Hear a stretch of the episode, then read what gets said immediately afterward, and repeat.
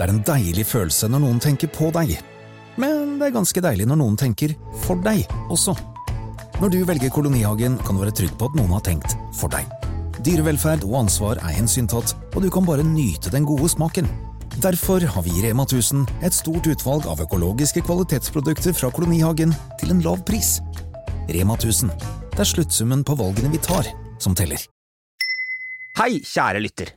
Jeg har en kjempenyhet. Vi lanserer Ut av skapet sin egen kleskolleksjon. I kolleksjonen Du kan komme ut til meg, har vi laget stilrent hverdagstøy med et lekent og inkluderende budskap.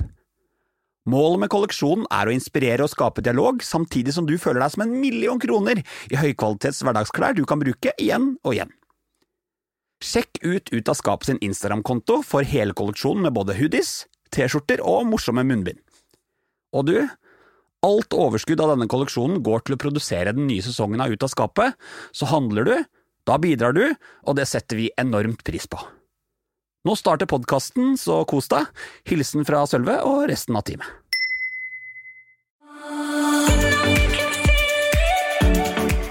I dag treffer du Bassel Hatom i studio.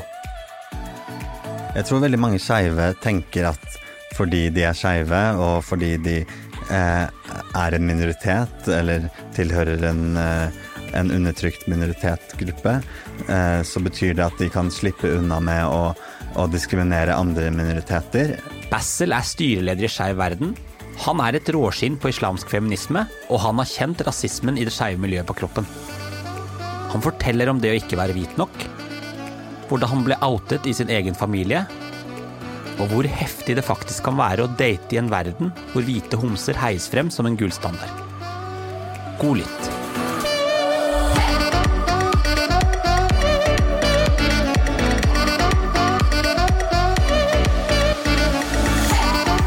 Hei, Bassel.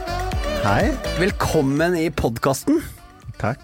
Du, jeg setter så pris på å ha deg her. Det er jo ingen tvil om at jeg så langt hadde revet Norges mest kritthvite podkast, så nå er det mildt sagt på tide at jeg får inn et litt eh, bredere skeivt eh, perspektiv i poden. Er du enig?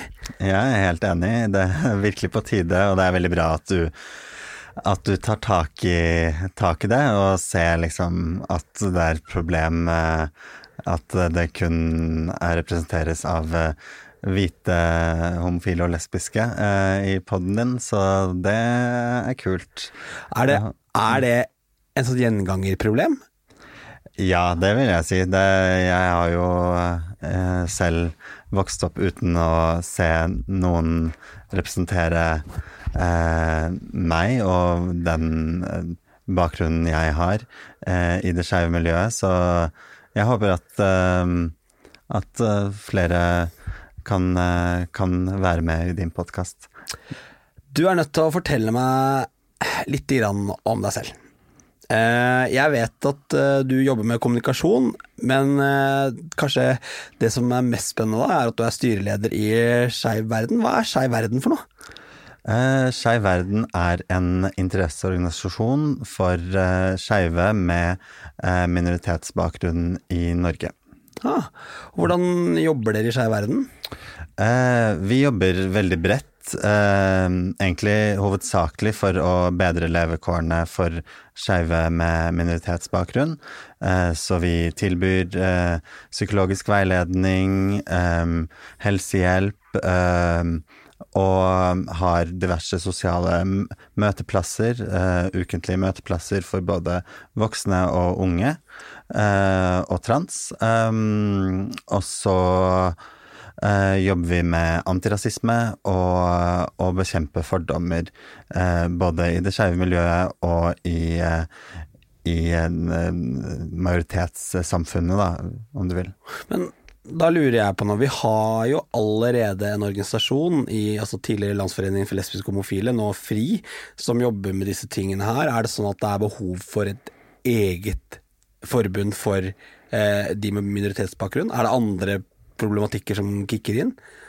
Absolutt. eh, Og Skeiv verden springer jo ut av FRI. Eh, Det startet eh, som en liten undergruppe i FRI eh, som ville sette fokus på det å være skeiv og ha innvandrerbakgrunn i, i skeive miljøer fordi at uh, det er andre problemer som dukker opp knyttet til det å være skeiv og med innvandrerbakgrunn. Okay. Um, som eksempel at uh, man blir utsatt for både diskriminering på bakgrunn av sin legning, og at man uh, blir utsatt for rasisme. og det, den dobbeltdiskrimineringen eller at man blir utsatt for religiøs diskriminering, da, er Den dobbeltdiskrimineringen er en ekstra større, en større utfordring og kjennes dobbelt så tung for skeive med minoritetsbakgrunn. Ja, for det er jo altså, det, er det verste av to verdener her, som kommer over samtidig. Eh, hvordan jobber dere i Skeiv verden? Er det sånn at folk tar kontakt med dere? Altså, er dere et type rådgivningsorgan, eller?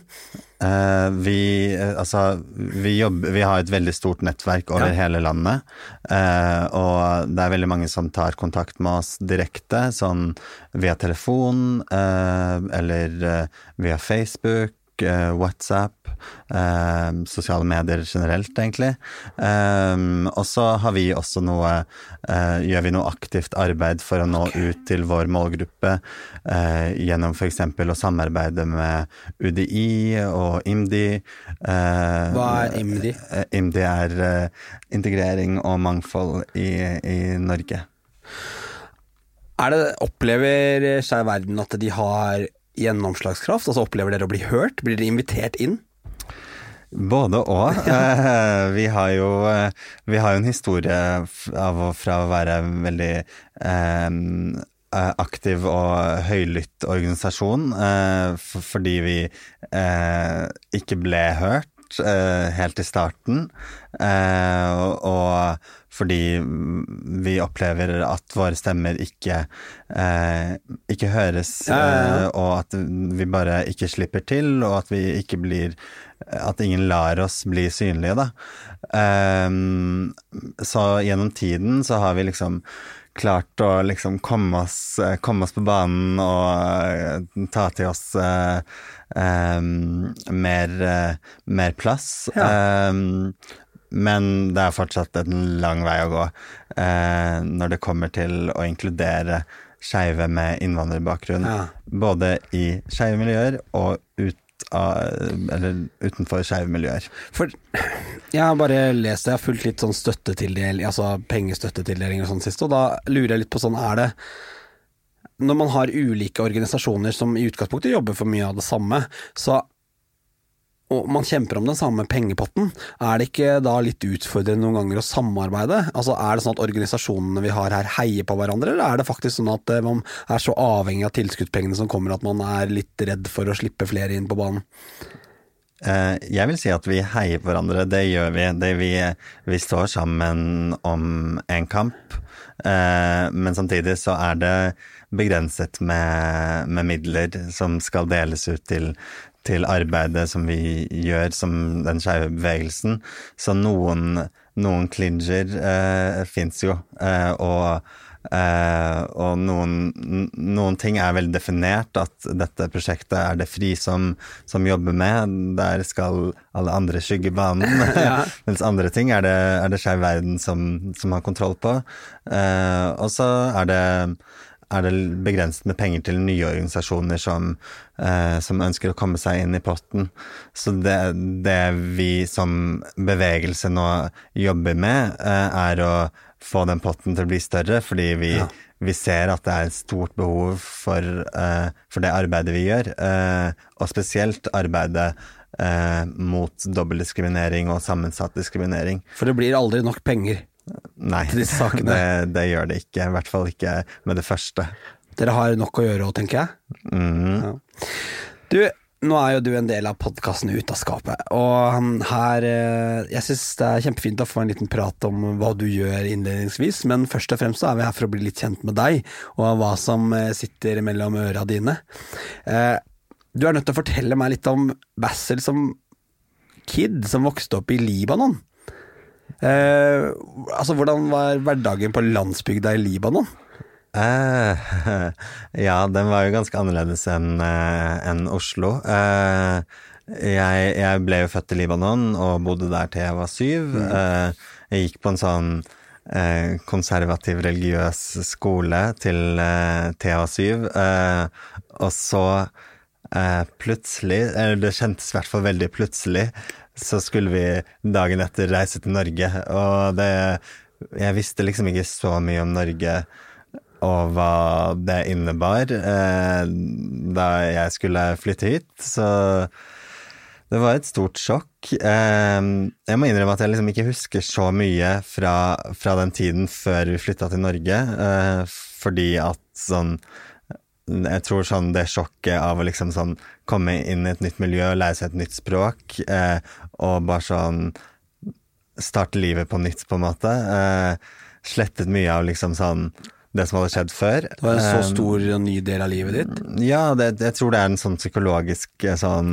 eh, ting, faktisk. Jeg vet ikke, jeg, er ikke psykolog selv, så Men vet du, vet du hvorfor dere flyttet?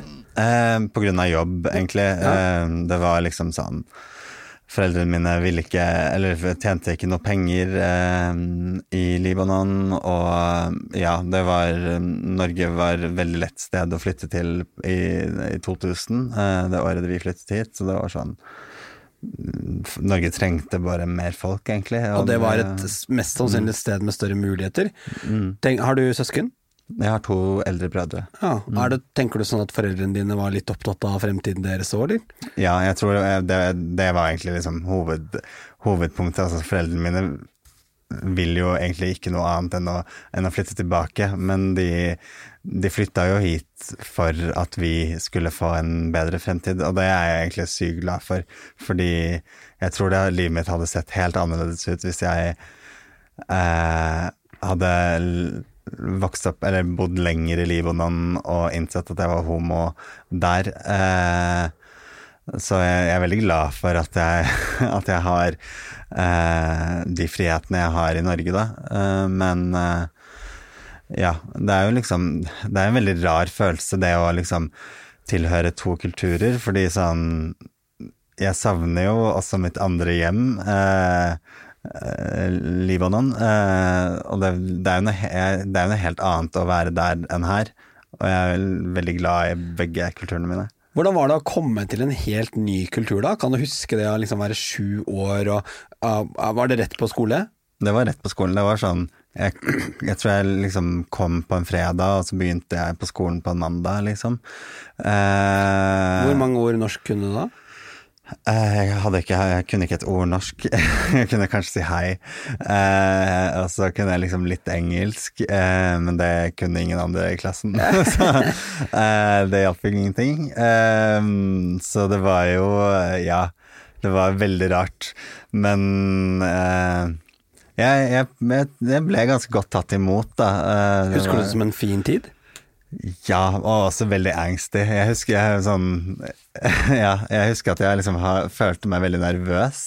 Jeg skjønner, merker at jeg blir nervøs nå. Prate liksom, om det? Ja, sånn jeg var liksom alltid sånn redd for å gjøre noe feil, eller sånn Um, bli mobbet fordi sånn at jeg er annerledes. Så jeg prøvde sånn alt jeg kunne for å liksom bare sånn passe inn. Um, eller sånn Og så var jeg kanskje også litt sånn eh, rampete. Eh, men det var fordi at eh, jeg ikke ønsket å få oppmerksomhet på den jeg egentlig var, men Ah. sånn at jeg ville liksom få oppmerksomheten på liksom de tingene, rampete tingene jeg gjorde, sånn, jeg vet ikke, sånn eh, Du vet sånn ting som barn gjør, Ja, ja, ja. sånn kaste viskelær i timen, eller eh, et eller annet, bare sånn, sånn at ikke folk skulle tenke på at jeg var annerledes av at jeg var utlending, eh, men at jeg var morsom eller annerledes fordi at jeg gjorde masse rare ting istedenfor. Det, jeg tror Så det var, det min, var en sånn måte på å passe inn på da, eller? det var min coping mechanism, tror Var, jeg. var det litt sånn klovn i glassen, eller? Jeg var litt klovn, ja. Mm, for å cope. ja. ja. Mm. Er, tror du det er Tenker du at det er en vanlig metodikk, eller en vanlig måte å kaste seg eh, og benytte hvis du kommer inn som, inn, altså som innvandrer? Er det lett å på en måte ville prøve å skjule hvem man egentlig er fordi at man møter mye fordommer? Eh, Det, det har jeg liksom ikke tenkt så mye på, men jeg, jeg tror det. Jeg tror liksom sånn Jeg tror barn liksom eh, prøver å kommunisere noe ved, ved å være rampete. Ikke, at de ikke bare er rampete fordi de er drittunger, Nei, men nei. at de er rampete fordi at de liksom er eh, usikre på et eller annet. Og det var i hvert fall sånn det var i mitt tilfelle. For altså, det er jo faktisk sånn at barn er jo sjelden rasshøl for å være rasshøl. Det, er jo, det kommer jo fra et sted. Det er jo for å skjule noe eller få oppmerksomhet eller Nei, jeg er helt enig i det. Du, dette er jo Når var første gang du kanskje kjente på at eh, jeg, altså, det er, Hvis det var tidlig, så er det ikke sikkert du hadde definert det, men kjente på at du var litt annerledes? At du kanskje var homo? Mm, altså Som sagt så har jeg alltid følt meg litt annerledes. Ja. eh, men sånn Og så kom det der med homogreiene i tillegg. Eh, og da Ja, det var vel kanskje sånn i sånn rundt sjette klasse. Um, altså sånn det, Jeg klarer liksom ikke å sette sånn fingeren på når det startet, fordi sånn jeg vet ikke, det jeg kom jo ut ganske sent. Jeg kom ikke ut før sånn at jeg var 20. Eh, kanskje 19. Eh, men sånn det hadde startet, var mye tidligere. Eh, og det, det klarer jeg liksom ikke å pinpointe til én hendelse, men, Men sånn Tror du det begynte før du flyttet til Norge? Kanskje sånn veldig subtilt, sånn Ja, ja. at jeg liksom sånn ble vært tiltrukket av litt mer feminine farger på klærne mine, eh, eller eh, at jeg eh, likte å leke med jentene i klassen, eller eh, ja, forresten så gikk jeg på en skole der det var delt klasser mellom jenter og gutter, så vi så aldri hverandre. Nei. men eh, i, i Libanon. Eh, men eh, ja. Eh, men, men du- jeg husker sånn en gang da jeg var liksom sånn på ferie eh, i Libanon, fordi at jeg reiser på ferie dit med familien hvert år, eh, bortsett fra i år av korona. Ja. Eh, så, så, så var det sånn, jeg vet ikke Det var en gutt i landsbyen da som, eh, som jeg hadde godt øye for. Vi var jo bestevenner eh, for sommeren hvert år. Eh, så ja. eh, det er jo merkelig å snakke om sånn barn som eksperimenterer, men det var det vi gjorde, kanskje. Hvor gammel var du da, da? Da var jeg kanskje sånn tolv. Ja.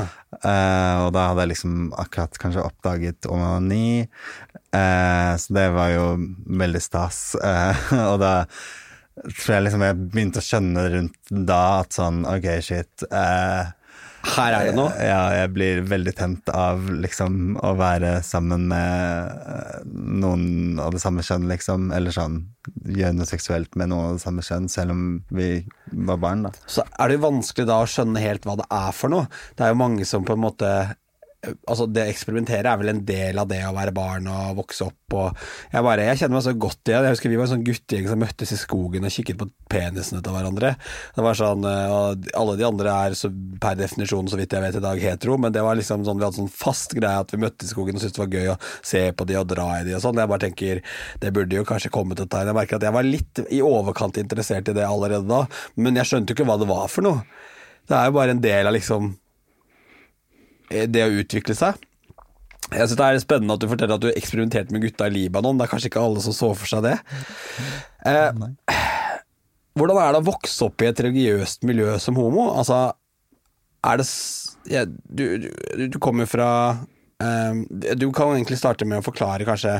Jeg spurte deg om du var eh, muslim, og da sa du at du har en sånn liten eh, avart, stemmer det? Mm, Det stemmer, jeg er druser. Eh, så det, det er en liten religion som fins i Libanon, Syria og Palestina, som er en sånn Som er en sånn underreligion, eller som, en religion som stammer fra islam. Ja.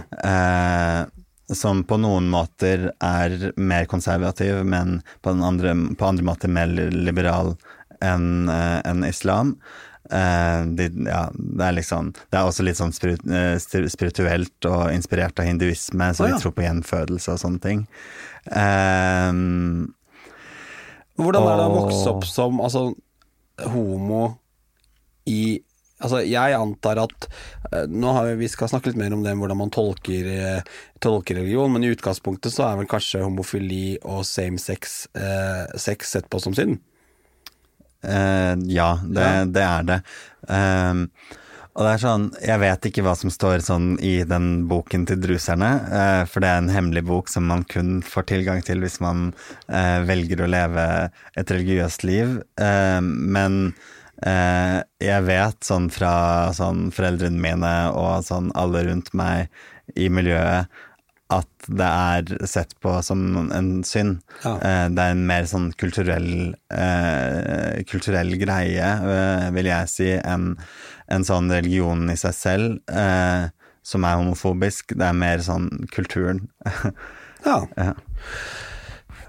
Jeg syns det er spennende å snakke litt om tolkninger, fordi jeg blir ofte møtt med det svaret at eh, når man refererer til at, uh, at skeiv kjærlighet eller homofili og alt dette her kan være synd, så handler det litt om hvordan man tolker det. Eh, og eh, jeg vet jo at altså, du har jo studert eh, feminisme, stemmer ikke det?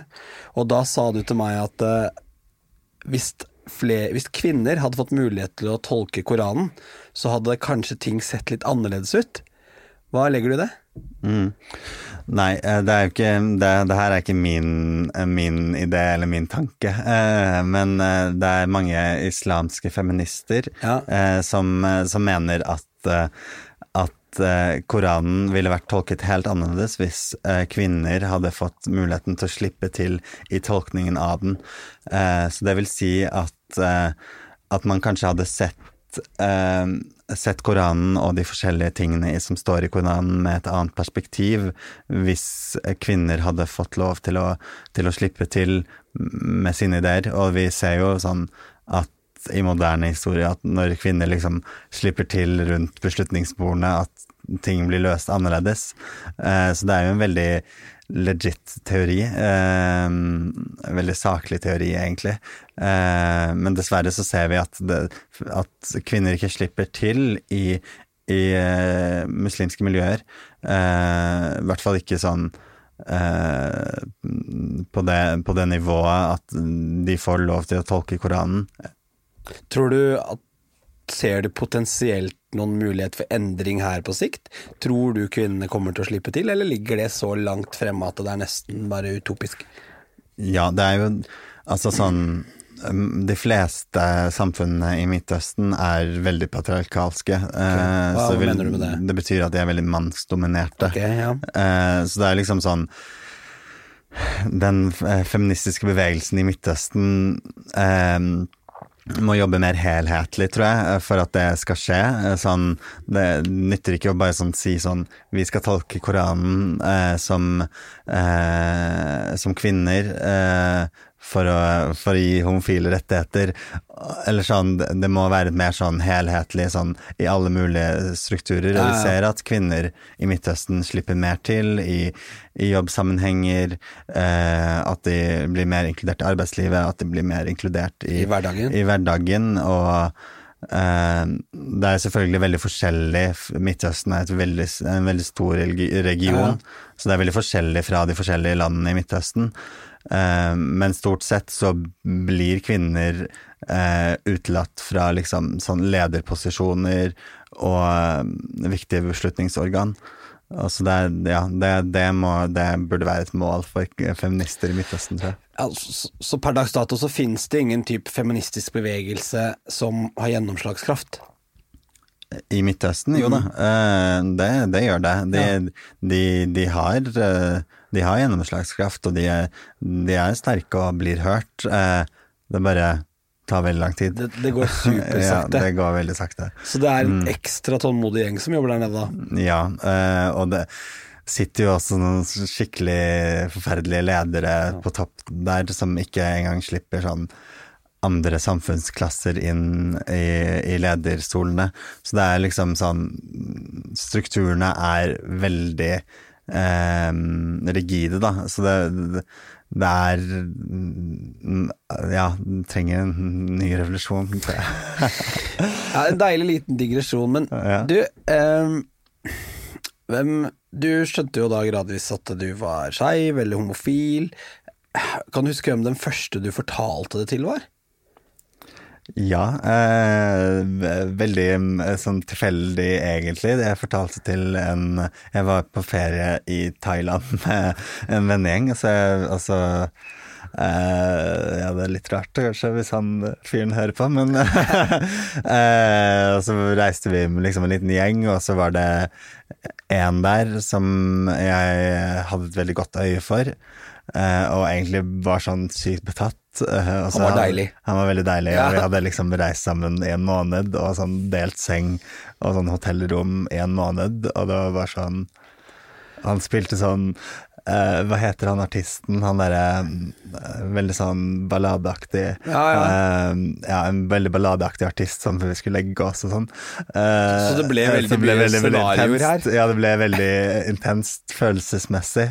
Og da sprakk jeg og fortalte venninnen min at jeg var keen på han, og da kom jeg liksom på en måte ut som bifil. Selv om jeg Visste liksom du da at du egentlig var homo, eller var det liksom Jeg visste i hvert fall at jeg var tiltrukket av menn. Ja. Eh, sånn at jeg liksom likte å ha sex med menn, eh, for det hadde jeg gjort eh, en stund allerede. Eh, for da var jeg 19. Eh, og så kom jeg ikke egentlig ut for homo jeg, som homo før jeg var eh, 22, eh, og bodde i London og studerte og traff min første kjæreste. Du sa ja, du sa noe til meg som jeg syntes var veldig spennende vi pratet sammen før podkasten her, og det var at du, du når du på en måte begynte å se mot det skeive miljøet, så følte du ikke at du hørte helt hjemme der. At du var liksom nesten på grensa til homofob en periode. Hva legger du i det? Ja, eh, det var, jeg tror det var liksom sånn at jeg følte at sånn For det første så følte jeg at eh, sånn Det var ingen i det skeive miljøet som eh, Som var meg, eller representerte meg på noen som helst måte. Sånn, det, jeg følte meg veldig eh, distansert fra, fra det skeive miljøet. Eh, både fordi at det ikke var eh, andre skeive med innvandrerbakgrunn i miljøet eh, som jeg hadde sett, eh, men også fordi at det var liksom sånn Jeg vet, det var liksom sånn Jeg tror det er veldig vanlig at man blir litt sånn avskrekket av liksom sånn det er litt voldsomt i Ja, sånn, ja, veldig mye Jeg vet ikke hvis man ser Pride for første gang eh, som ungdom, så kan Eller sånn, og sånn usikker Det er jo en eksplosjon i ja, ja. Ja. Men jeg tror det var mer sånn at jeg liksom på en måte prøvde å undertrykke noe eh, egne følelser, enn at jeg liksom eh, prøvde å liksom bekjempe bevegelsen, eller motkjempe homobevegelsen. Hvor mye tenker du liksom at religion og kultur spilte inn i det der? Eh, jeg tror det hadde litt å si. Jeg tror sånn hvis jeg hadde vokst opp i en eh, etnisk norsk familie, så hadde jeg vært litt mer eksponert for eh, for, for samfunnsdebatten om homofile. Jeg hadde jo venner som jeg, Når jeg liksom sånn uttrykte sånn at sånn derre Æsj, hom homser. Sånn på barneskolen så var det venner som var sånn eh, Det er ikke så rart, liksom, homofil. Jeg er en homofil onkel, hva mener du? Ja, ja. Og da, det var jo veldig bra at, liksom, at, de, at de liksom sto opp. eh, Men du hadde jo aldri møtt det, men jeg hadde, jeg hadde aldri møtt Jeg hadde liksom aldri hørt om homofile sånn Jeg hadde aldri liksom snakket med foreldrene mine om at homofile fantes. Eh, så det var egentlig sånn min første samtale om eh, om homofile. Eh, den samtalen om han onkelen til han kompisen min, da. Eh, så det var sånn Jeg tror det var sånn klassisk sånn derre Det du ikke vet, syns du er litt skummelt. Mm. Så du kom jo da først ut til venner, og så kom du ut noen år etterpå. Var det de år Kom du da ut for familien din? Hvordan, eh, hvordan plumpa du ut til det der?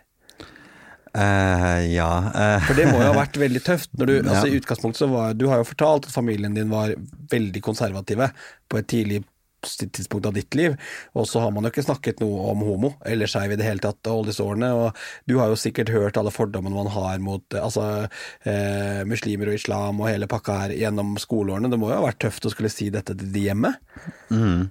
Ja, ja. uh, og det, det var det. Det var liksom sånn Jeg gruet meg masse, eh, men jeg hadde liksom Jeg var hjemme på eh, påskeferie, eh, og da hadde jeg bodd i London i nesten et år, og liksom hatt kjæreste i nesten et år, og så var jeg sånn ok, jeg må bare sånn Du hadde levd dobbeltlivet. Ja, ja, ja, og sånn løyet sånn til alle og enhver om, om hva jeg drev med. Så jeg kom liksom til Oslo, og så eh, hadde jeg bestemt meg for å si det til mamma, men jeg ville liksom snakke med sånn eh, andre, andre i familien om det. Sånn, jeg hadde ikke lyst til å snakke med søsknene mine om det, for de var liksom alt, de kom til foreldre til mamma. Ja. Um, så jeg snakket med det snakket med uh, fetteren min om det. Uh, og han var sånn Ja, ja, du Nei. Han sa nei, ikke si det til moren din, eh, fordi hun kommer bare til å bli sur, og nei, nei, nei, ikke gjør det. Eh, og så var jeg sånn Jo, men sånn Jeg, har, jeg må si det, liksom. Det var viktig å fortelle ja, det til mamma. Sånn, det, er, er, det er viktig for meg. Så jeg tror jeg kommer til å gjøre det. eh, men jeg tenker på det, så jeg, jeg bare Vi drar på den middagen. Vi skulle på en familiemiddag, sånn hele familien, 30 personer, eh, samlet, liksom. Jeg tar det etter den middagen, jeg tar det i morgen, liksom. Eh, og så dro vi dit, og så ble fetteren min skikkelig full på den middagen. Eh, og sånn begynte å vise sånn eh, en musikkvideo. Jeg husker ikke helt hvilken musikkvideo det var, men det var en musikkvideo der to menn kysset, og så sånn begynte å snakke om sånn ja, Basil, na-na-na. Eh, og mens han viste den, og jeg bare sånn Hva skjer nå? Ja, jeg holdt på å dø. Drev han og outet deg, eller? Ja, ja, det var det han gjorde, og det Alle skjønte jo sånn hva som foregikk, så når jeg fortalte mamma dagen etter, så var det litt sånn Hun ble jo sjokkert, eh, og syntes det var liksom tungt å høre. Eh, men hun liksom så den komme, men sam, samtidig så, Ja, jeg vet ikke. Det var Klikka veldig veldig rørt. Klikka du ikke på fetteren din? jo da. Jeg, Du ble jo sint. Jeg snakker ikke med han den dag i dag. Nei, for det er jo Mm. altså det å bli outet, s- uavhengig av om det er vondt ment eller med kjærlighet, det er eh, Det å miste den kontrollen, det er jo helt grusomt. Mm. Altså Når man har gått og lag, levd dobbeltliv og jobbet med seg selv og hele dette perioden kom ut-prosessen, eh, og man bygger seg opp til det klimakset hvor man bare skal si det, og så får man ikke lov til å slippe den nyheten selv. Det er jo, Å miste den kontrollen er jo helt grusom. Mm, det er utrolig sårende, egentlig. Det er veldig sårende, og jeg må bare Jeg tror ikke vi har snakket om i den podkasten, men ikke out noen. Nei, nei, nei, nei. Aldri. Aldri. Og det er ikke din sak. Sånn, kanskje, sånn, selv om du sånn, er veldig glad i noen og sånn, syns at det er liksom Jeg tenker at det er kanskje for dems beste at du outer dem, ikke gjør det. Folk trenger, trenger å gjøre det selv. Eh, og det er, ikke, egentlig, det er ikke alle som egentlig vil komme ut. Sånn, man skal ikke tvinge noen til å komme ut av skapet hvis de ikke vil det. Eh, det er ikke Det er liksom sånn jeg kan oppfordre alle til å komme ut av skapet, for det føles amazing. Og det er bare sånn Det er så deilig å bare Livet starter da. Ja, det er så deilig å være fri. Liksom bare sånn Slippe alt og bare være helt shameless eh, om seg selv. Eh, så det kan jeg sterkt anbefale, men hvis, hvis, du ikke, hvis du ikke vil komme ut av skapet, så må du ikke gjøre det. Ja, og så er det så mange ting som spiller inn. Det er jo også viktig å huske at det er mange som også går og bare tester og prøver og, og driver litt sånn, har seg selv som forskningsprosjekt, og ikke vet om de trenger å komme ut. Og det er eh, Ja, man må ha enorm respekt for den komme ut-prosesen. Eh, jeg bare jeg kan ikke få sagt det mange nok ganger, og alle jeg vet som har blitt outet, syns det har vært det er kanskje det verste de har opplevd i, på I hvert fall en stor, veldig ille, da. Du sa til meg at du opplevde den komme ut-prosessen som veldig tung. At du syns det er en veldig tung prosess. Hva legger du i det? Uh, ja, det var liksom Det var mye sånn eh, Det var mye sånn inni meg som bare sånn var veldig sånn Dro i masse forskjellige retninger. Eh, veldig vanskelig å beskrive som én følelse, på en måte. Men jeg følte meg liksom sånn veldig nedstemt og deprimert sånn over veldig lang tid, sånn i forkant av å gjøre det.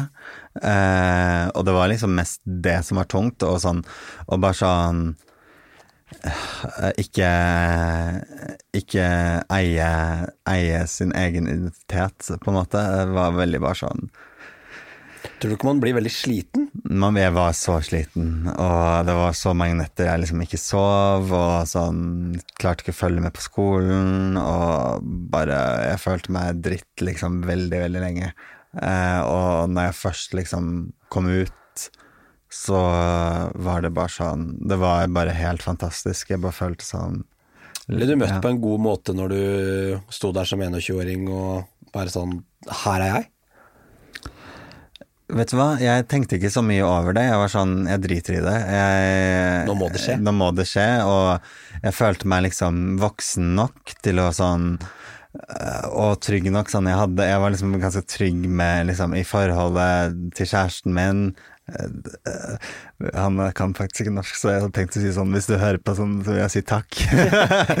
men Han er engelsk. Eh, Men eh, nei, ja, han er ekskjæresten min nå, da. Men, eh, men ja, og sånn, selv om sånn jeg la sånn sikkert mye sånn emosjonelt på han, sånn mye byrde, sånn derre At han var liksom trygghetspersonen i mitt liv, så føltes det veldig trygt å ha noen i livet mitt som var sånn som jeg visste kom til å være der, da, hvis, hvis alle andre eh, utstøtte meg. Men det var jo ikke det som skjedde, og det er jo veldig sjelden det er det som skjer. Det altså viktig jeg kan, jeg kan relatere, fordi jeg kjenner meg igjen i min første kjæreste. Jeg, jeg fikk min første kjæreste før jeg var åpen, og det var han som egentlig skaffet meg tryggheten til å tørre å bare si det, for da hadde jeg en å lene meg på. Jeg visste det at ok, hvis dette går til helvete, så har jeg i hvert fall Hvis det går til helvete, så har jeg i hvert fall Anders. Og, jeg bare, jeg, og det er ikke alle som er så heldige at de har en kjæreste å støtte seg på, men ja, det, hvis du er i et forhold du ikke er ute ennå, så skal du vite at det gjør det i hvert fall litt lettere. Men jo, en relasjon trenger jo ikke bare være en kjæreste. En relasjon og en å støtte seg på en komme ut-prosess kan jo være en god venninne, det kan være farfar som du elsker over alt i verden, det kan være en på jobb som du har bare så close. Jeg tror det er så viktig å ha en å lene seg på idet du skal slippe bomben. Mm, det, det, ja, det var litt det jeg mente. Sånn, det, treng, sånn, det trenger ikke nødvendigvis å være eh, kjæresten din, og det trenger ikke å være sånn jeg vet ikke, den beste kompisen din heller. Det er alltid en person som, eh, som kommer til å liksom ta deg imot eh, hvis du faller. Og det, tror jeg virkelig at de fleste liksom kan kan raske opp, raske opp noen til liksom lene seg på akkurat i den prosessen. Og jeg tenker sånn Det er veldig mange som kommer, har en positiv komme ut-opplevelse, spesielt sånn eh, hvis så Jeg tror det er mange menn som har et veldig nært forhold til moren sin, eh, og, eh, og sånn hvis moren Hvis alle liksom i familien din ikke vil akseptere deg for den du er, så fuck de, liksom. Sånn du kan ikke forandre det, men de kan forandre sine holdninger til hvem de forventer at du skal være. Mm. Eh, så sånn, og i hvert fall sånn venner. Kast vennene, vennene dine som, du, som ikke vil akseptere deg for den de der. De kan byttes ut når som helst. De, sånn, de er cancelled, liksom. Sånn, de kan bare gå vekk hvis de ikke vil akseptere at du er Var du forberedt på at du kanskje måtte lage deg en ny familie? Tenkte du noen gang det, eller, var, eller, kjente du familien din så godt at du visste dette blir tøft, men det kommer til å gå bra? Ja, nei, jeg var forberedt på det. Jeg var litt sånn det var litt sånn 50-50-typ. Sånn, jeg var litt sånn Ok, jeg har en ganske bra svigerfamilie som jeg kan igle meg innpå, liksom. Bare 'her er jeg'. Bor her nå. så, men Nei, ja, så det Jeg var litt sånn Jeg var faktisk litt usikker på om uh, Uh, om hvordan det kom til å gå. Uh, er du fornøyd med sånn som det har gått? Ja, stort sett. Ja. Mm. Har du et godt forhold til de, dine nærmeste i familierelasjon nå? Ja, det vil jeg si. Det er litt sånn derre Jeg vet ikke, sånn med i hvert fall sånn spesielt menn i familien så snakker jeg ikke noe Jeg har aldri snakket noe om følelser. Eller egentlig sånn, jeg snakker veldig litt om følelser med familien min. Nei, menn sånn, snakker ikke om følelser? Nei, i hvert fall ikke hetero menn. Eh, bare shame de litt. Eh, men sånn Det er ikke shame hvis det er litt sannhet i det? Det er litt sannhet i det, og ja eh, De kan bli flinke til å snakke om følelser. Men sånn Ja, så det er liksom sånn Vi snakker jo aldri om det, og det er bare sånn det eksisterer på en måte ikke. Eh, Det, det, det gjør meg litt sånn Det gir meg en litt dårlig følelse, men samtidig så er jeg litt sånn Jeg Kunne vet du tatt ikke. med deg en ny kjæreste inn til familien? Ja, det, det kunne jeg gjort. Ja. Men da hadde det fortsatt ikke vært holding hands og kissing with, uh, by the table? Kanskje ikke sånn første Nei, det tror jeg kanskje ikke. Det ville vært komfortabelt med første gangen. Syns du det er viktig at vi noen ganger verner de rundt oss litt? At vi også må sette oss At vi må se saken fra dems side? Sånn at vi ikke hele tiden må provosere? Både og. eh, Jeg tenker alltid sånn at eh, min frihet slutter der andre starter. Eh, Så jeg tenker jo alltid sånn at sånn Så lenge jeg ikke liksom offender noen, eller så lenge jeg ikke sånn gjør noe som, eh, som eh, gjør meg vel, på bekostning av noen andre eh, Nei, hvordan blir det? Ja, ja, ja. ja eh, så, så, så er det good, eh, men eh, eh, Du er komfortabel med å tilpasse deg litt? Ja, selvfølgelig. Man må jo alltid være pragmatisk. Vi lever jo liksom i et samfunn. Vi kan ikke bare gjøre som vi vil, og selvfølgelig, alle må jo tilpasse seg hverandre litt, men så lenge jeg ikke skader noen med mine handlinger, og så lenge jeg liksom ja, bare utøver kjærlighet, liksom, så Ja, ja. burde ikke det være noe problem for noen. Altså, komme ut-historier er, eh, er digg. Noe som ikke nødvendigvis er så digg, det er rasisme. Og jeg har veldig lyst til å snakke med deg om rasisme. Um, og ikke minst har jeg lyst til å snakke med deg om rasisme i det skeive miljøet. Vi har snakket om at du sa til meg at du pass, følte at du ikke passet inn i skeive miljøet, og at du ikke var hvit nok. Og hva mener du med at du ikke var hvit nok for det skeive miljøet? Altså, jeg må bare først sånn anerkjenne at jeg jeg passerer eh, ofte som, som hvit. Sånn jeg slipper, jeg slipper unna veldig mye rasisme fordi jeg snakker sånn helt flytende norsk og, eh, og er veldig lys i huden. Eh, til og med litt sånn blonde hår her og der. Jeg ser det. Eh, men sånn det er liksom Det er ikke sånn nødvendigvis uh, fargen på huden din som, uh, som, uh, som definerer deg som, eh, som hvit eh, eller ikke. Eh, det er liksom sånn den derre representasjonen, eh, mangfoldet, og åpenheten eller ikke-åpenheten du blir møtt med i skeive miljøer. Um, og sånn, selv om jeg liksom ikke er eh, svart eller eh, asiat eller søras- eh, så eh, så er det veldig sårende for meg å, å, og lese ting på f.eks. Grinder eller Gazer, der det står sånn 'no blacks, no Asians', eh, og videre. Det er liksom én ting. Det blir liksom sånn Da blir jeg sånn Da blir jeg personlig Da føler jeg at det er liksom sånn personlig mot meg Så, også. Hvis du skal gjøre en liten sånn begrepsforklaring for lytterne nå, for de som kanskje ikke henger på Grinder og på Gaysir, så er Gaysir da et nettsted for Det er som en Facebook for homoer, pleier jeg å si. Et sånt som, og og skeive et samlingssted. Og Grinder er eh, Jeg tror det er ment som en sånn hyggelig kontaktapp, men det er jo litt sånn liggeapp, er det ikke det? Jo, Jo, det er det. Det er gutter og jenter som sjekker. Eller er det bare gutter? Det er bare gutter. Er det bare gutter? Jeg har aldri hatt Grindr, jeg er dårlig på det. Men det er en type sjekkeapp, og der er det mulighet for å Når du velger preferanser, så kan du velge preferanser ut ifra hudfarge, hvor du kommer ifra, osv. Og, og, det er, eh, og det har vel vært eh, legitimt inntil ganske nylig. Jeg vet ikke om det fortsatt er mulig? Eh, det vet jeg. Jeg lurer på om de endra på det sånn for to uker siden, sånn Ja. rett etter den der eh, store Black. Lives Matter-bevegelsen eh, ble igangsatt igjen.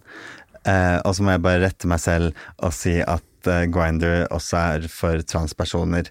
Ja. Eh, så det er for transmenn og kvinner også, da. Og det gjelder jo alle disse nettstedene. Ja. Ja.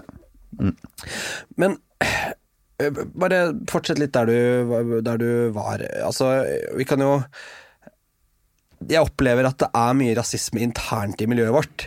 Eh, på, som, som sa på alt ifra liksom datingapper og eh, Jeg har sett det i, i diverse miljøer.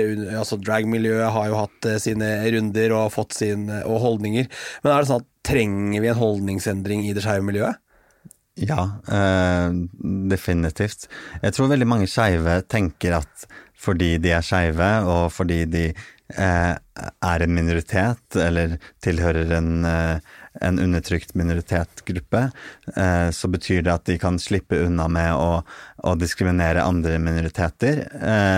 Og det er noe jeg også ser sånn i min, i min, kultur også, sånn, ikke bare sånn den skeive bevegelsen, men også sånn min arabiske kultur. Det er veldig mye rasisme uh, mot afrikanere blant uh, i, blant arabere. Uh, uh, så, så arabere er jo også sånn en minoritet, i hvert fall i Norge. og, og, altså, og de kan diskriminere afrikanere. Så derfor Så da tenker jeg også at homofile også kan diskriminere Eh, eller være rasistiske. Jeg opplever jo, og det opplever jeg ofte, at eh, spesielt, eh, altså spesielt homsene kan ha en tendens til å trekke det kortet veldig fort. Jo, siden jeg er eh, undertrykt og allerede har måttet stå i så mange kamper, så kan jeg si og gjøre hva som helst. Alt er greit. Jeg kan shame venninnene mine, jeg kan shame på, på hudfarge, jeg kan shame på etnisitet, jeg kan shame på oppførsel. Den herre Hva skal man kalle det? Så kaller vi det kanskje litt sånn shade-kultur. Det er litt sånn som vi har. Og for de som trenger hjelp, så er det litt sånn Shade-kulturen i det skeive miljøet er at det er lov å slenge dritt. Ja, det er liksom akseptert. Men må vi skille mellom sarkasme og rasisme, er det, eller er det liksom en hårfin linje? Altså sånn jeg syns, ikke det er en hårfin linje. Jeg syns rasisme er rasisme, og det, der er, er, det, er, grensa helt hard. Og det, det fins ikke nyanser av sånn litt rasistisk. Det er sånn enten så er du rasist eller så er du antirasist. Det er en av to. Vil, jeg si. Og hvis du er antirasist, så jobber du aktivt med å bekjempe rasisme. Eh, og det er ikke greit å shame noen andre, selv om du føler på skam selv. Eh, det er også sånn, det gjelder også sånn med kropp og eh, jeg vet ikke, hår og utseende. Sånn, slutt å shame folk, liksom. Sånn, og slutt å være rasistisk. Uh, Sånn det, er, det er, altså sånn, det er ikke greit, selv om du er eh, full av skam selv, og selv om andre har påført deg skam, så betyr ikke det at du har lov til å, til å gå rundt og påføre andre skam. Jeg hørte en veldig spennende og kul podkastepisode fra type et sånn ungdomspanel som var satt sammen fra Skeiv Ungdom, som, eller Skeiv Verden. Det var Skeiv Verden. Skeiv Verden, ja. Eh, hvor eh, eh, en av jentene hadde en sånn Hun var forbanna. Det var veldig kult, og, kult å høre på engasjementet. Det var veldig engasjerende. Hun sa at hun er så dritlei av shade-kulturen. Hun er så dritlei at hvite norske homser kan si og gjøre hva de vil, og så sitter alle vennene og klapper og heier. Opplever du det også litt sånn noen ganger? Ja, det, det opplever jeg også veldig, veldig ofte. Og jeg har, jeg har krangla med så mange på byen, liksom sånn Bare sånn Jeg, jeg, jeg bare sier ifra. Jeg er sånn du, du, kan ikke, du, kan ikke, si det, liksom. Sånn kan du Det her er ikke greit. Én, to, tre. Dette, er grunnene, liksom.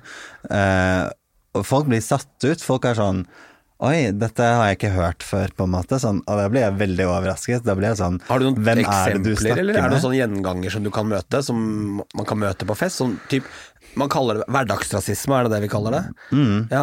ja. For det første så er det sånn det er alltid en som skal ha sånn enten noen blackface på halloweenfesten, eller sånn kle seg ut som indianer, eller et eller annet. Og det er kulturell appropriasjon.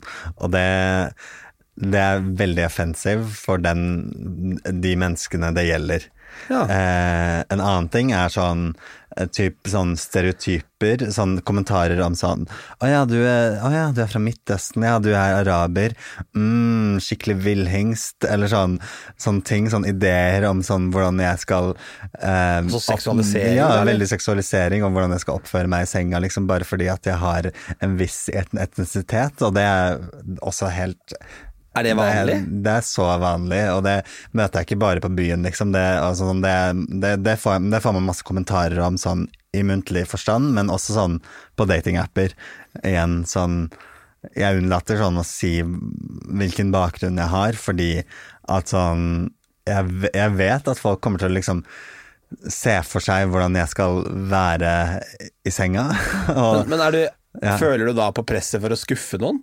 Er du Ja, litt sånn redd for Altså, hvis du skal Altså, det, jeg, jeg, jeg Hva skal jeg si der, da? Jeg syns det er vanskelig å det er vanskelig for meg å relatere, fordi at jeg føler at siden jeg er litt sånn eh, Hvis jeg skal si på toppen av dette hierarkiet selv, så har jeg liksom satt standarden. Hvis jeg skal møte noen og ha sex med dem, så er det jeg som bestemmer. Skjønner du hva jeg mener? Det er ingen som har noen forventning til meg, fordi at jeg er basic white eh, gay. Så da er liksom sånn eh, da, da er det jeg da er jo toppen som bestemmer. Opplever du at du kan liksom være litt nervøs for å møte noen, bare fordi at du skal liksom skuffe de opp mot forventningene de har laget seg selv? Ja, ja, ja. Eh, Det Altså sånn det, Ja, det skjer veldig ofte. Eh, og eh, Ja, det er liksom noe med sånn derre Den forventningen de har laget til meg, og det er liksom ikke sånn hvordan jeg hvordan jeg, noen ting med hvordan jeg er, eller hva jeg har signalisert, men det er liksom måten de objektifiserer meg på bakgrunn av eh, bare min rase eller etnisitet.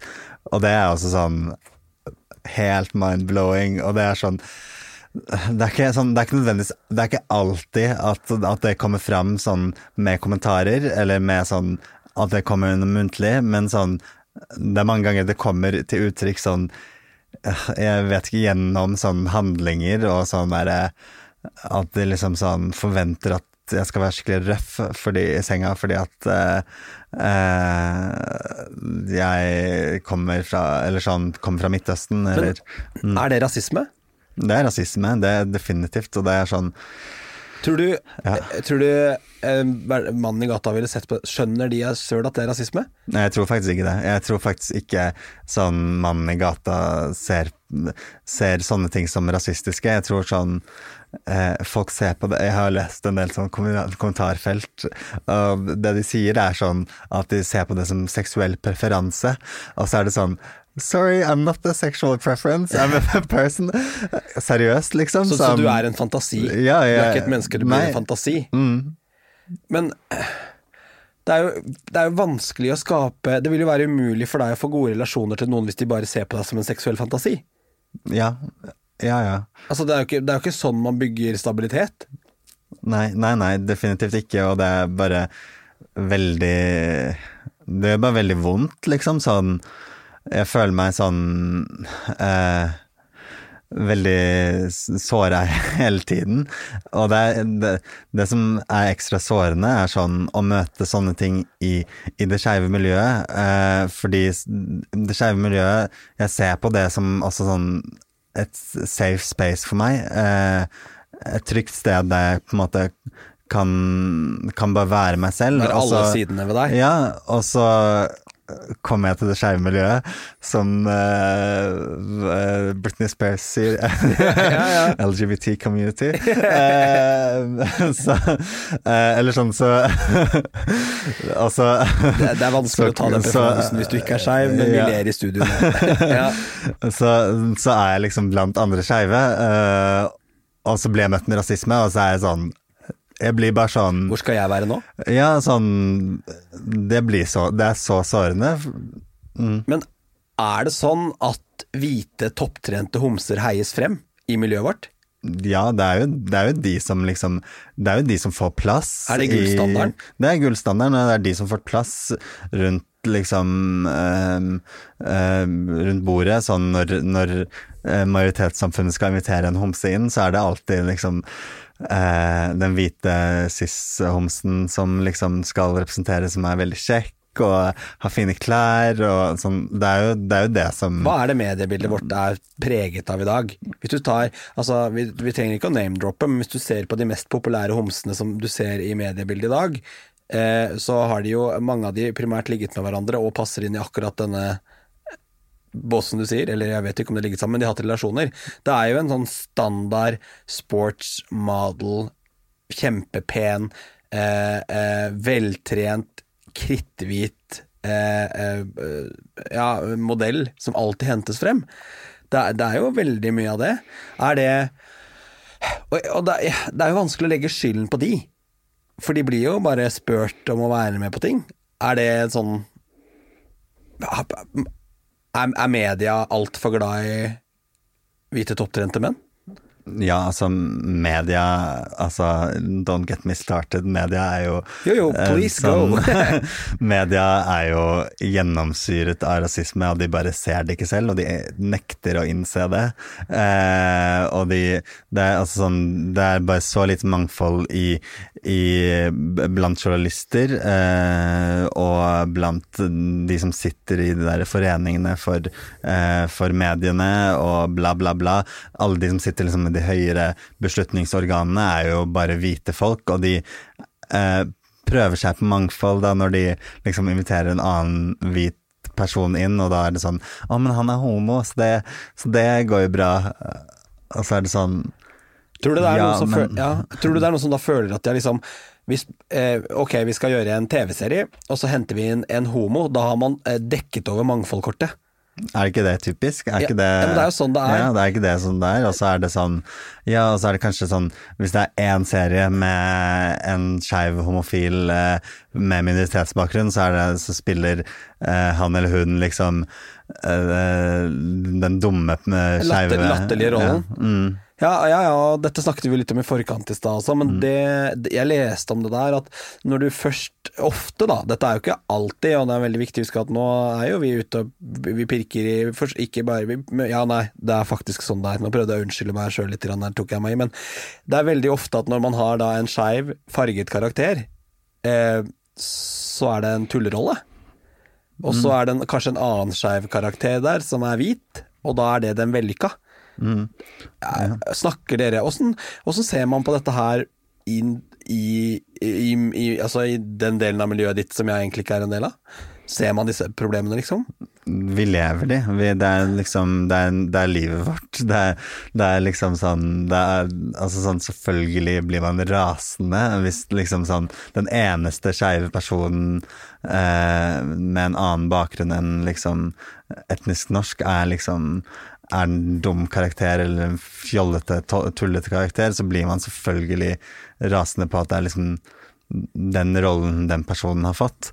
Eh, ja, selvfølgelig, og det tar oss liksom tilbake til sånn Jeg vet ikke når det begynte å liksom dukke opp skeive personer på TV, men sånn, jeg tipper sånn rundt 80-90-tallet i Norge. Og da var liksom alltid den skeive personen sånn skrullehomo, og sånn bare sånn helt beyond stereotypisk, og det er liksom akkurat det som skjer på ny igjen, bare med sånn skeive med innvandrerbakgrunn. Ja, sånn. ja, for nå har jo den 90-tallet skrullete homoen har jo nå fått eh, lederstillingen og er oppe og nikker. Så er det noen andre som har tatt over skrullerollen. Ja. Ah, det så, jeg, jeg, blir så, jeg blir så bevisst på det etter at jeg leste en post om dette her i sosiale medier for en måneds tid siden. Så har jeg liksom begynt å se på serier. Og da er det jo Jeg har, om jeg skal få lov til, jeg vet ikke det om du følger det, men jeg skal få lov til å komme med en liten serieanbefaling. Det er ikke så ofte å gjøre i podkasten der, så jeg har hatt veldig stor glede av å se eh, Pose. Som, Elsker Pose. ja, som, ja. Du kan jo fortelle det, for du virker som enda mer blodfan enn meg. Fortell om serien Pose. ja, den handler om eh, Den er litt basert på en dokumentar som alle også må se, som heter 'Paris is Burning'. eh, som eh, faktisk er blitt filmet i New York på 90-tallet, eh, og skal portre portreere eh, drag-miljøet eh, og voging-miljøet i, i Harlem i New York. Eh, og serien Pose er liksom basert på det, og er en drama eh, rundt eh, Vogue og eh, drag-miljøet. Um, Altså, det, det er den- en helt fantastisk serie. ja. Ja. Og den er produsert av eh, Altså de fleste som er med å produsere eh, serien, er eh, fargede transpersoner, og eh, mange av eh, Altså alle skuespillerne som spiller transkvinner, er transkvinner. Eh, så det er, det er en fantastisk serie som viser mangfold, og som viser dybde i karakterene eh, så, som spilles, og at man liksom eh, kan bare være et menneske selv om man er trans og svart. Og så er jo storylinen veldig god. Ja, ja det er den nå. Den er jo Fantastisk historiefortelling. veldig fengende. Den eh, bryter jo eh, veldig mye med det vi er vant til å se. Eh, og viser at eh, Ja, den viser et fantastisk mangfold. Jeg har hatt veldig glede av å se den første sesongen der, i hvert fall. Det er så langt jeg har kommet. Det er education. Det er, Education. det er lærdom til den nye generasjonen. Jeg, jeg elsker disse Det er så digg å få litt sånne avsporinger, men jeg er ikke helt ferdig. Vi er nødt til å snakke litt om hverdagsrasisme. Og du sa jo selv at du er eh, Du kan eh, gå litt under radaren fordi at du ser ut som du gjør, men jeg vet det at navnet ditt, det kan hemme deg en del. Hva Hvordan da? Um, jo. uh, igjen tilbake til liksom sånn dating uh, uh, Datingapper og sjekkeapper og sånn, så er det sånn For eksempel så har jeg opplevd at eh, der så eh, så ble jeg avvist, eller bare sånn blokkert. Sånn Vi har en hyggelig samtale, sånn na, na, na. Eh, Sånn hva heter du, liksom? Sånn, for ofte så oppgir man ikke navn i profilen. Eh, og så heter han Anders, og så skriver jeg jeg heter Basil. Bare sånn, så bare borte. Så forsvinner Forsvinner den. Ikke noe svar. Eller sånn enten blokk eller ikke noe svar, eller bare sånn Ja. Nei, ikke interessert, liksom. Uh, det er én ting. En annen ting er sånn uh, på f.eks. leiemarkedet. Uh, jeg, eh, jeg ser etter en leilighet med en venninne nå for, å, for å leie. Og så skulle jeg skrive til en fyr på Finn. Uh, 'Hei, jeg er interessert i leiligheten', Ja, ja. bla, bla, bla. Den, det er meg. Uh, det er venninnen min. Uh, og så skulle jeg liksom signere liksom med navnene våre, og så skriver jeg liksom fra hennes konto. Så jeg var sånn Å, jeg bare dropper å skrive mitt eget navn, fordi sånn Jeg vet at sånn Eller sånn jeg, Eller jeg tenker sånn at det er det som kommer til å skje. Eh, at den personen kommer til å lese mitt navn, og så kommer de til å tenke sånn Nei, jeg tror ikke liksom vi skal ha eh, For da er vi fordomsfulle, siden du heter Bassel. ja, ja, ja, sånn Jeg tror ikke vi skal ha han. et, eh, og, den, og det er faktisk ikke sånn noe jeg bare finner på, som, eller noe som er inni mitt eget hode. Det er liksom sånn Det er ting som jeg har eh, Som jeg vet liksom eh, folk har erfart, eller sånn at folk har liksom fått det skrevet liksom tilbake. Sånn Nei, eh, bla, bla, bla, vi har dårlig erfaring fra folk fra eh, ditt land. Og det har faktisk også min nåværende utleier også sagt til meg. Sånn der, kommet med så mange rasistiske kommentarer til sånn folk som har bodd i vår leilighet før. Ja. Det er en litt eh, delvis grunnen til at jeg flytter derfra.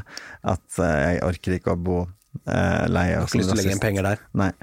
Uh, og ja, det, det er et gjennomgående sånn Det er bare sånn gjennomgående problem også når man skal søke jobb. Men Eh, kan du da oppleve at det kan være sånn Å, du er, du er jo et veldig godt eksempel for din type mennesker fordi at du har levert. Men det han gjør da, er jo at han egentlig er superrasistisk. Ja, Er det litt ja, typisk? det er veldig det Og er du sånn, er ikke sånn som jeg hadde sett for meg at dere skulle være. Nei, nei, det er, det er sånn som jeg hører hele tiden. Sånn der Å, ja, ja, du har jo gjort det så bra, eh, eh, som du som er eh, fra Libanon. Det hadde jeg ikke forventa. Eller sånn Bare sånn Hva skjer inni deg da? Da blir jeg sånn Nei, nei, nei, nei, nei, nei. nei. Men- jeg, har ja. ikke, jeg har ikke eh, gjort noe for å møte dine forventninger. Det jeg gjør, gjør jeg for meg selv, eh, eller for folk jeg bryr meg om. Eh, jeg driter i hva du sier. Eh, jeg, ja, da eksploderer jeg. Men sånn det som er litt vanskelig med hverdags, hverdagsrasisme, eh, er at det er sånn veldig vanskelig å, å sånn call out, eller sånn å si, si akkurat sånn hvor, hvor det er rasistisk, eller hva personen har sagt som er rasistisk, eh, eller å gjenfortelle etterpå sånn og eh, dette og dette skjedde med meg eh, som var rasistisk. Eh, I hvert fall sånn i ettertid, eller sånn samle de som en sånn historiefortelling. For det er sånn småting som Men gjennom sånn den Black Lives Matter-bevegelsen og eh, alt som har skjedd, og eksplosjonene i sosiale medier, så har jeg sett at liksom flere og flere sånn poster ting når de, Ja. når de opplever sånne småting. Og da, når flere og flere snakker om sånn de småhendelsene, så ser man et mønster i, i, i hverdagsrasismen, på en måte. Da, da, da ser man sånn Å ja, ok, dette her er ikke sånn et, et sånn små problemer som bare skjer inni mitt eget hode. I dag så begynte jeg å følge fordi at det endelig nå har blitt delt. Fordi at altså, algoritmer på Instagram er jo noe dritt. Det skyver jo ned eh, opp og frem, og det er ikke alltid det blir sånn. Men nå er det jo sånn at eh, rasisme dyttes opp og frem. Det er mer synlig. I dag begynte jeg å følge en profil som heter Rasisme i Norge, som delte en sak som har skjedd i Elverum. Har du hørt om den? Ja, med han det, jeg, jeg leste så vidt. Ja, det, er, det har vært et Det har tydeligvis altså, Som bare egentlig beskrev hvordan media skriver om rasisme. Så skrev Jeg vet ikke, om, jeg vet ikke dette må du arrestere meg på, du som hører på, men jeg tror det var lokalavisen som skrev sånn det har vært en slåsskamp der og der og der, men så viste det seg at dette var jo en rasist som har angrepet en familie. Eh, og, det var bare sånn, Men det skriver jo ikke media. og Jeg, synes, jeg, jeg tror den profilen het Jeg har akkurat begynt å følge den rasisme punktum i punktum Norge, og den syns jeg var, var sånn den er tøff, og det er vondt, og det er kjipt å face det, men jeg syns det er nyttig å følge sånne profiler, fordi at da får man se litt av hverdagen, da. Men kan jeg bare si noe til det? det sånn, fordi jeg vet at mange, eh, mange hvite opplever at det er tøft og kjipt å, å, og høre på historiene til folk som opplever rasisme og, og diskriminering. Det skal være tøft og kjipt, så det er ikke deg det er synd på. Det er personen som opplever det det er uh, synd på. Uh, det er de som er ofre her. Men vi liker ikke å ha det ubehagelig. Nei, og det, det må man bare Det finne man seg stå i. Ja, hvis, man skal, eh, hvis man skal bekjempe rasisme, så må man bare ha det ubehagelig. Jeg lurer på noe.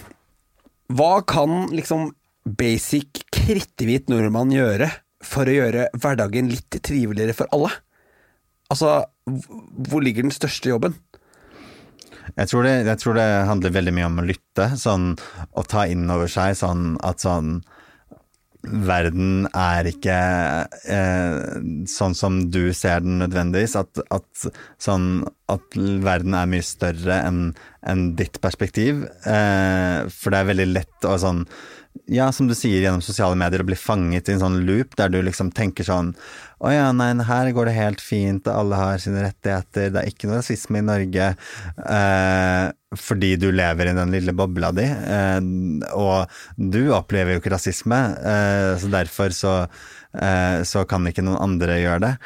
Eh, og at em, I tillegg til å lytte og liksom aktivt liksom være ute etter liksom å calle out eh, for venner som Det å arrestere er Ja, viktig. mm, Hvordan og, og da må du jo også være forberedt på å tørre å stå i det ubehagelige. For det skjer jo ofte. Jeg har begynt med dette. Begynte for egentlig et år siden med det. Og bare sånn Min måte å arrestere på når noen drar en rasistisk vits, eller sier noe sånn eh, eller, Ja, eller himler med øya, eller bare gjør et eller annet, er at jeg sier sånn Hvis det er en vits, for eksempel, så sier jeg sånn Du, kan du forklare meg den vitsen? Den skjønte jeg ikke helt. Og da blir folk helt sånn Når de må forklare sin egen rasisme, da føler de seg så dumme. Men samtidig så Og da blir de ofte folk irriterte. Og så er det sånn Og så er det en del ord som er bare helt unødvendige å bruke, som jeg begynte å poengtere i, i sist. Så det er sånn Kan du ikke la være å bruke det ordet? Og da opplever jeg at veldig mange blir sint.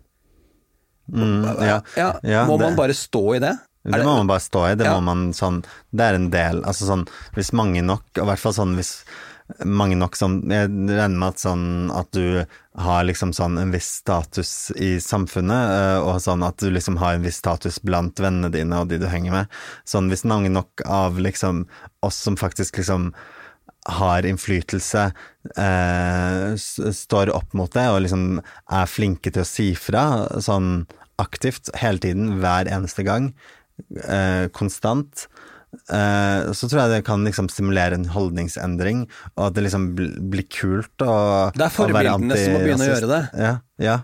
Eh, Og, og jeg, jeg er helt enig, jeg har på en måte prøvd uh, jeg, jeg, åh, jeg sitter faktisk støtt hver eneste dag med en liten klump i magen med at jeg burde gjøre en enda bedre jobb, men jeg prøver å holde profilen min ved like, f.eks. i sosiale medier, ved å fortsatt dele og vise og like og gjøre det jeg kan gjøre med den kanalen. Sånn at ikke For det, jeg ser jo nå at uh, den bølgen blir mindre. Den blir mindre og mindre og mindre og mindre, og jeg tenker at eh, ja, vi må holde den eh, Black Lives Matter-bølgen levende så lenge som mulig. Eh, og jeg bare Ja, det er en oppfordring til alle, men kanskje spesielt til de som har påvirkningskraft, at du bare Det er du som kanskje kan gjøre den største forskjellen, da. Mm. Ja. Eh, ja. er det noe Hvis man ønsker å oppdatere seg og få kunnskap, det, kan man kontakte Skeiv Verden? Man kan kontakte Skeiv Verden, og vi har, vi har mye arrangementer sånn om temaet. For vi jobber jo veldig aktivt med å liksom bekjempe øh, rasistiske holdninger i det skeive miljøet. Eh, så man kan, man kan ta kontakt og høre når vi har arrangementer, og, og tune inn eh, der. Mm. Sånn avslutningsvis i podden så pleier jeg alltid å spørre folka som sitter her, om de har et godt råd å ta med seg inn i hverdagen for å gjøre den hakket mer inkluderende. Det kan være tatt ut av den praten her, eller det kan være tatt ut av hodet ditt. Det kan være akkurat det samme. Du gjør, kan du si akkurat hva du vil? Har du et sånt råd du vil komme med til de som hører på? Um, ja um, det, man, må, man, må, egentlig bare calle out uh, hverdagsrasisme, uansett hvor man, hvor man, er, i hvilken setting man er. Det er jævlig ukomfortabelt, eh, men det er, det er, en jobb vi alle må ta. Hvis, eh, hvis, du virkelig bryr deg, så er det eh, en, din oppgave å gjøre det. Eh, og da må du ikke liksom tenke at dette her er en veldig klein situasjon å gjøre det i. Du må bare gjøre det. Du må huske på at det, det ikke er du som er eh, hvis du er hvit, at det ikke er du som er eh, offeret for rasisme her, eller offeret i denne situasjonen. Det er faktisk eh, mye større enn deg, og, uh, og dine Jeg vet ikke uh, Følelser for uh, konfliktskyhet. og ja. ja. Det syns jeg er godt. Jeg syns det er veldig godt oppsummert. Det at du er konfliktsky, unnskylder ikke at du ikke bruker stemmen din. Nei, det er veldig lett for nordmenn å være sånn Ja, men jeg er så konfliktsky. Nei, det, det, det, holder ikke mål, altså. Get out of your head. Ja. Du, Basil, det har vært så deilig å ha deg her. Dette ble en skikkelig god prat, og jeg håper at de som hører på, har eh, plukket opp noen ting. Eh, det er eh, mulig å følge Bassel på Instagram og alle disse tingene her. Som vanlig så legger jeg informasjon i eh, episodeinfoen om podkasten, og der kommer jeg også til å linke til Skeiv verden og diverse, diverse profiler som kan være nøye og lure å følge. Tusen takk for at du ville være en del av podkasten. Takk for at jeg ble invitert. Takk for at du hører på podkasten Ut av skapet. Det betyr mye for mange. Informasjon om dagens gjest finner du i episodebeskrivelsen. Sjekk alltid ut fine folk på sosiale medier. Denne podkasten er helt avhengig av deg, så er du glad i Ut av skapet, del om du lytter, og rate oss gjerne der du kan rate podkast. Jeg gleder meg skikkelig til nye skeive historier neste uke. Vi høres!